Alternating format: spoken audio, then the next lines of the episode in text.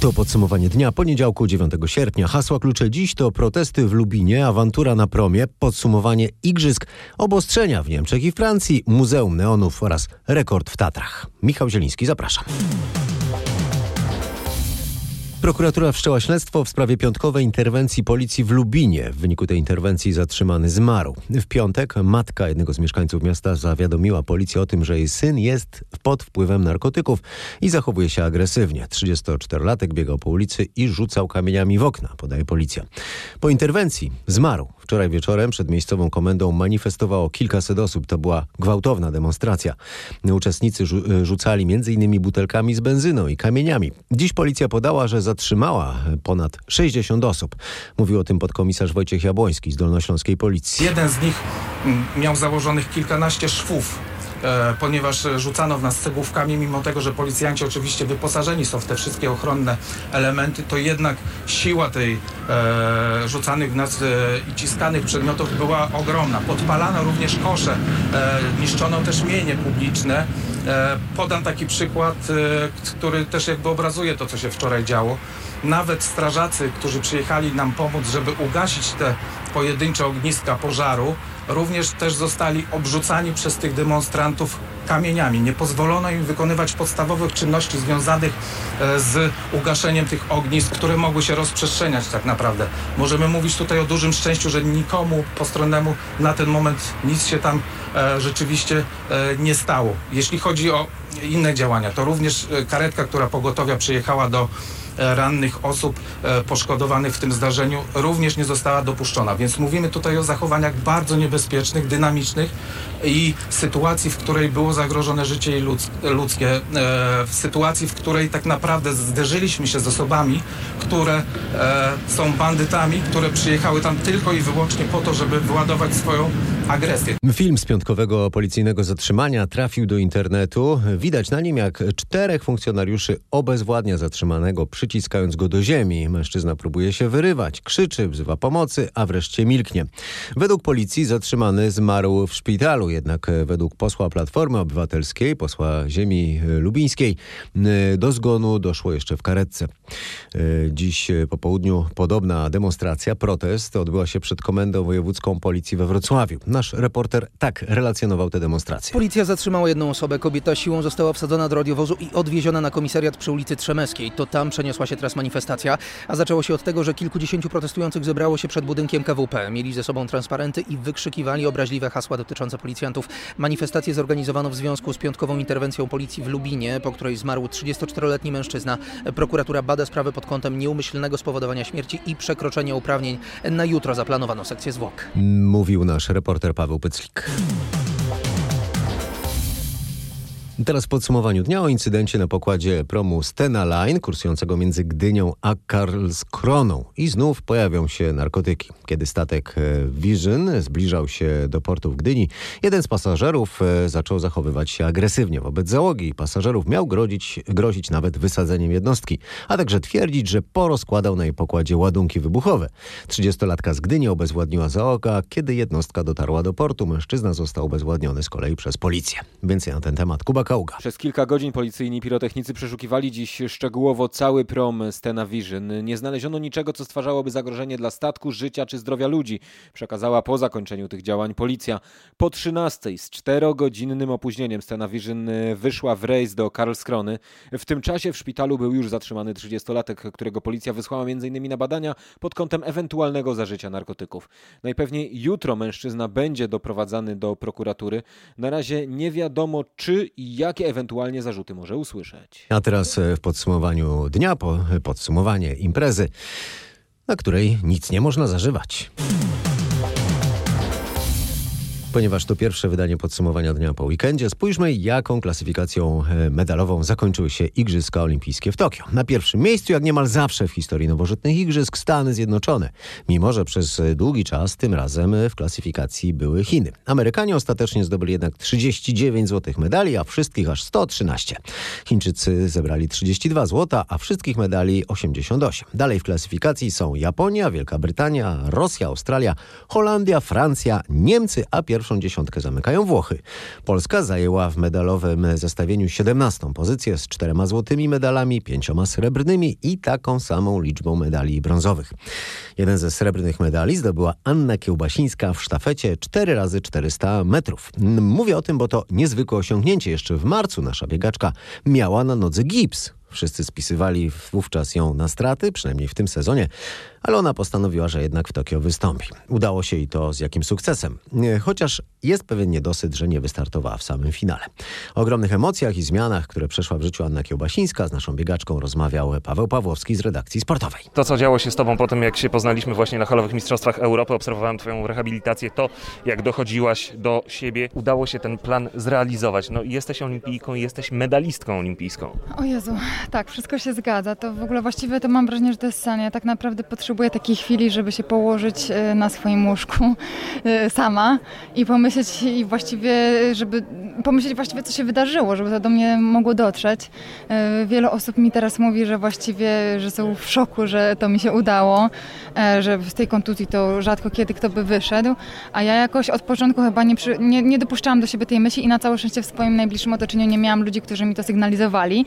I teraz mi się wydaje z perspektywy czasu, jak, tak wszyscy o tym mi mówią, że ja chyba trochę ignorowałam e, powagę tej, kon, e, tej kontuzji i jakoś mi się pomyślało, że no jest, jest, była operacja, czyli że jest naprawiony i teraz tylko chwilę muszę mieć czasu, żeby dojść do siebie. No i co? Jesteśmy tutaj. Możesz patrzeć na mój srebrny medal Igrzysk Olimpijskich. Ciężki na pewno, widzę, że jest duży. W związku z tym, że biegłaś w eliminacjach, to nie mogłaś dostąpić tego zaszczytu, żeby wejść na podium razem z dziewczynami. To odrobinę boli, czy to nie ma żadnego znaczenia? Nie, no odrob- oczywiście, ja tutaj nie zamierzam ukrywać, e, że to nie jest to samo, aczkolwiek no miałam no, niebywałe emocje, będąc też na trybunach. Zarom gardło, teraz mnie boli, nawet jak z tobą rozmawiam. Natomiast to jest na pewno co innego, kiedy robisz to, że tak powiem, własnymi nogami. E, jakoś tak mam wrażenie, że w mojej karierze e, jakoś nie dane jest mi bezpośrednio uczestniczyć w tych wydarzeniach. Tak samo jak byłam młodzieżową mistrzenią Europy w 2011 roku, to, to dobiegłam na metę druga, a po dwóch tygodniach okazało się, że jednak byłam pierwsza, więc nie słyszałam Mazurka. W Doha tak samo, tutaj tak samo. A najbardziej boli to, że wiem, że byłam no, w życiowej formie i to bez dwóch zdań i wiem, że równie dobrze to mogłam tam być ja, ale nie jestem. Żałowała Anna Kiełbasińska, z którą rozmawiał nasz y, dziennikarz Paweł Pawłowski. A teraz w podsumowaniu dnia kolejna rozmowa i na początek cytat z tej rozmowy. Kiedy Polska kłóci się ze Stanami Zjednoczonymi, Unią Europejską, korzysta na tym Putin. E, tak e, przekonuje Daniel Fried, były ambasador Stanów Zjednoczonych w Polsce. Rozmawiał z nim nasz amerykański korespondent Paweł Żuchowski. Lepiej by było, gdyby Polska był liderem Europy. Ogólnie, nie tylko Europy Wschodniej, Środkowej, ale ogólnie. Warto, lepiej by było współpracować z Unią Europejską bez dramatów, z Amerykanami, z Niemcami. A czasami wywierać presję? Oczywiście. Chciał pan powiedzieć, że mamy za dużo konfliktów teraz na linii Europa, Stany Zjednoczone, sąsiedzi? Niestety, niestety. To, to TVN, no po co atakować największą inwestycję amerykańską w Polsce? No właśnie, kilka dni temu e, list senatorów e, w obronie wolnych mediów w Polsce, także właśnie stacji TVN. E, to silny sygnał z Kapitolu, czy tak jak niektórzy uważają w Polsce, próbują komentować, bagatelizować trochę tak? Czy nie możemy bagatelizować tego, co napisali senatorowie? Nie, jest poważnie, jest poważnie. To jest poważna sprawa? To poważna sprawa. Nie jest, sytuacja nie jest stracona, ale jest sygnał od Amerykanów, oni po prostu nie rozumieją Polska to był symbol demokracji, zwycięstwa demokratycznej, symbol najlepszych naszych wspólnych tradycji. Od Kościuszki, Woodrow Wilson, Ronald Reagan, wszyscy, same dobre rzeczy. I wizerunek Polski był tak wysoko w Stanach Zjednoczonych. Tak wysoko. To Polska to było Lech Wałęsa, papier, Ojciec Święty, obalenie komunizmu, budowanie demokracji. Same dobre rzeczy po co kłócić się z Amerykanami i kłócić się z, z Unią Europejską o, o, o, o sądownictwo? Komu służy? A Putinowi służy. Na pewno, na pewno. Panie ambasadorze, powiedział Pan no, kilka istotnych kwestii o relacjach e, polsko-amerykańskich, no bo mm, Pan tutaj jest. Pan wyczuwa napięcie, tutaj w Białym Domu choćby. Załoga Bidena zna Polskę. Biden popierał wejście Polski do NATO. Bez Bidena, bez senatora Bidena, głosowanie dla Polski w Senacie, wejście do NATO nie by było tak, nie by było możliwe. Kto był jego doradcą wtedy? To Tony Blinken, teraz sekretarz stanu. A ja by, był, Blinken był moim kolegą w, w Białym Domu za Clintona. Stosunki między Polską i Stanami Zjednoczonymi pogorszyły się ostatnio po odejściu Donalda Trumpa. Nowa administracja USA m.in. przystała na dokończenie budowy rosyjsko-niemieckiego gazociągu Nord Stream 2.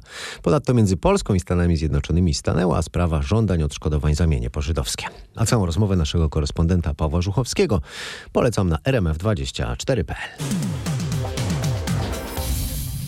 A teraz będziemy na zachodzie Europy. Zamiast całkowitego lockdownu ułatwienia dla osób zaszczepionych, przetestowanych i ozdrowieńców. Niemcy szykują się na jesienną falę zachorowań na COVID-19.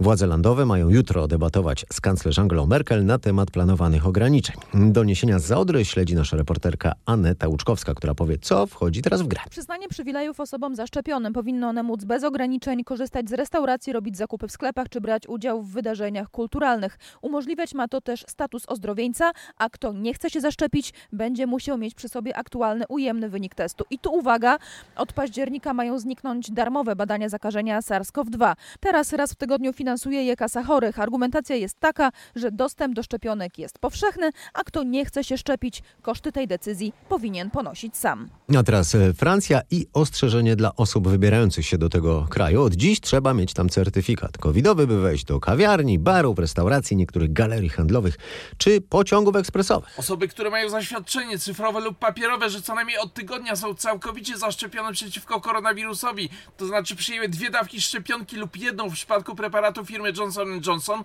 nie będą miały żadnych problemów z wejściem do kawiarni, restauracji czy galerii handlowych. Pozostali ludzie będą musieli robić we Francji testy wykrywające COVID-19 co 3 dni. Przypomnijmy, że w związku z czwartą falą epidemii certyfikat covidowy wymagany jest już też prawie od 3 tygodni przy wejściu do muzeów, teatrów, kabaretów, nocnych klubów, dyskotek i kin we Francji. My relacjonował z y, Paryża nasz korespondent Marek Gładysz.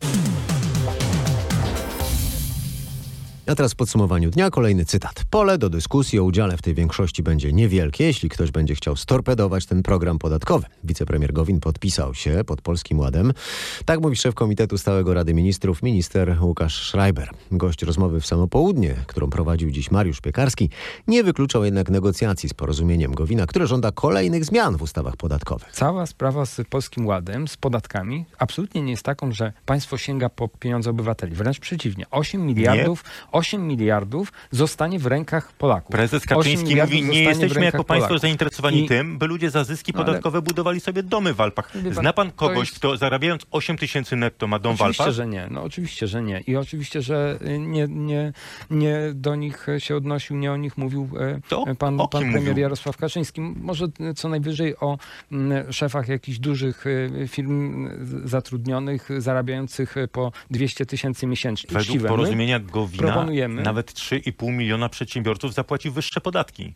Panie redaktorze, to są, to są absolutnie y, wyliczenia, Wicepremier które, waszego y, rządu. To są, no dobrze, no, ale to są wyliczenia, które nie mają e, podstaw w rzeczywistości jednak. E, Ja zwrócę uwagę, że 18 milionów Polaków zapłaci mniej. Ale zawsze musi E, zapłacić ktoś znacznie więcej, żeby tym 18 Nie, milionom było nie, bo, bo e, lżej. budżet, e, budżet e, w tym wypadku będzie stratny. Oczywiście. I teraz jakby Budżet dochodzimy... samorządów także. Także to chętnie o budżecie samorządów porozmawiam. Cała ta rozmowa jest na naszej stronie w internecie.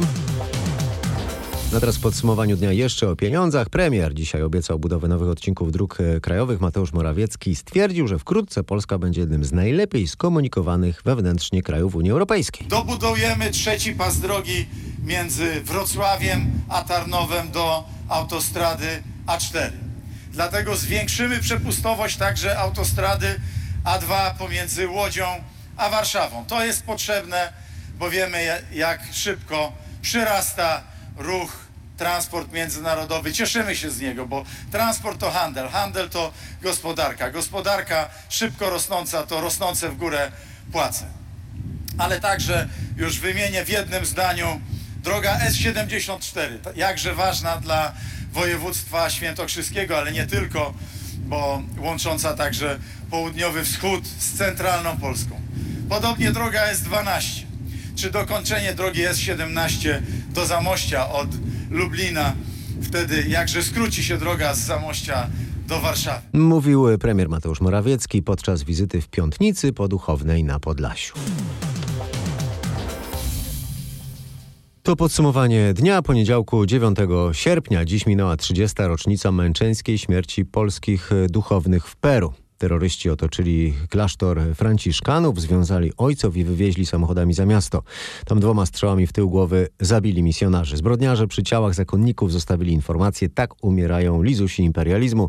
Niech żyje ludowe wojsko partyzanckie. W ten sposób męczeńską śmiercią od kul komunistów w Peru zginęli dwaj polscy franciszkanie.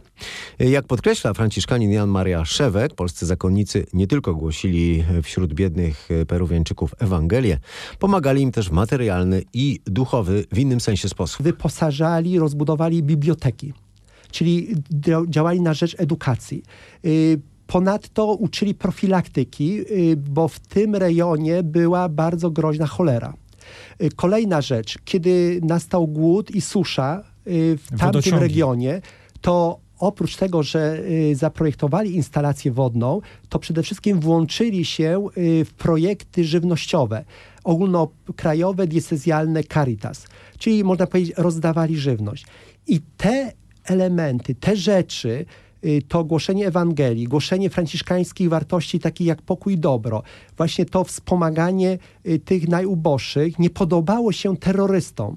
Sendero Luminoso, Sendero Luminoso, szlak. Tak, komunistyczni terroryści, tak trzeba ich określić, którzy uważali, że przez to, że nasi bracia głoszą Ewangelię, to jest opium dla ludu, że głoszą pokój i dobro, to usypiają ducha rewolucji, y, postanowili ich zamordować. I co ciekawe, y, ludzie, wśród których pracowali, ostrzegli braci, kiedy terroryści znaleźli się w wiosce, a bracia nie uciekli, nie wycofali się. I można powiedzieć, że to, że pozostali wśród tych, którym służyli, dla których przyjechali, to jeszcze, jeszcze bardziej potwierdzili, że to, co głosili na ambonie, to, co głosili w takich rozmowach indywidualnych, to że to nie jest teoria, że oni w to wierzą.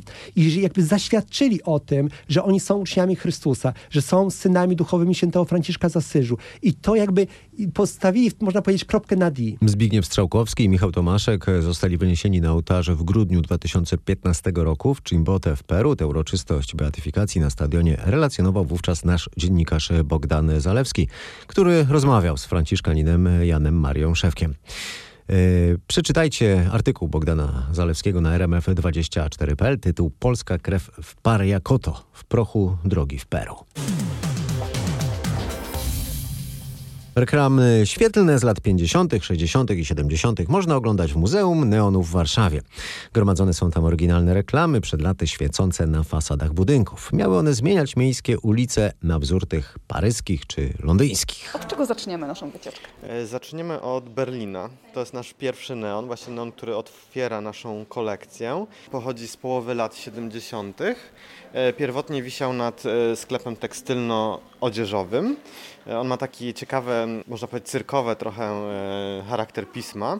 Jest też bardzo ciekawy, bowiem jak tutaj się mm, zbliżymy, to widzimy jak ten gaz przepływa.